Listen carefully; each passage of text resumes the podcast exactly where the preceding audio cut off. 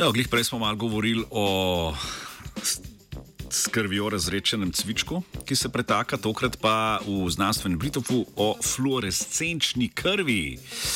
Um, predtem pa kratek slovarček za ogrevanje mandibule dežurnega špikarja. Polisaharid, dekstran, mikrocirkulacija, rekombinatni protein, albumin in DNK.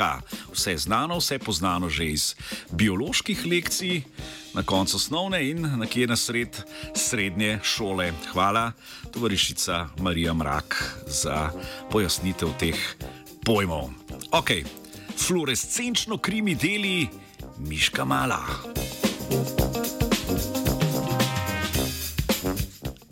Mednarodna raziskovalna skupina je s pomočjo genskega inženiringa razvila manj invazivno metodo dolgoročnega spremljanja mikrocirkulacije.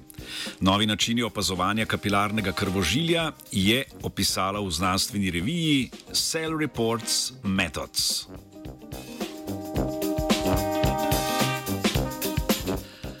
Proučevanje kapilar in spremljanje pretoka krvi po njih sta za razumevanje razvoja in delovanja krvožilja ključnega pomena. Pri človeku je na enem kvadratnem milimetru zbranih približno 600 žilic s premerom nekaj mikrometrov, zato je vizualizacija tega kompleksnega sistema zahtevna. Pretok krvi po kapilarah se v raziskavah pogosto spremlja tako, da v žilo ubrizgajo polisaharid dekstran, ki ima na sebe vezano fluorescenčno molekulo. Na to lahko fluorescenco zaznajo pod mikroskopom. Ta metoda pa ima svoje omejitve. Dekstran poveča viskoznost krvi, kar upočasni njen pretok po žilah. Poleg tega barvila po eni uri ni več zaznati. To predstavlja velik problem za raziskave, ki spremljajo dolgotrajne procese mikrocirkulacije, saj je treba v tesne organizme vse čas injicirati nove odmerke barvila. Za živali to predstavlja stres, v nekaterih primerjih pa se lahko pojavi tudi neželen imunski odziv.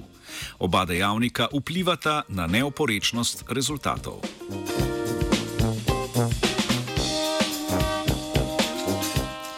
Raziskovalci in raziskovalke so zato razvili drugačen način spremljanja kapilarnega krvožilja. Z genskim inženiringom so naredili miš, sposobno tvorbe lastnega fluorescenčnega barvila. Namesto iz modificiranega dekstrana pa je bilo barvilo v obliki rekombinatnega proteina albumina, ki ga je od vseh proteinov v krvni plazmi sesalcev največ. Večino ga telo proizvede v jetrih, zato so se raziskovalke odločile, da gensko spremenijo jetrne celice. Vanje so s pomočjo posebnih virusov unesle DNK z zapisom za rekombinatni albumin, ki je vseboval še zapis za fluorescenčni protein. Ko so virusi svojo DNK ugradili v jetrne celice, so te začele proizvajati fluorescenčni albumin. V krvni plazmi so že po treh dneh zaznali signal.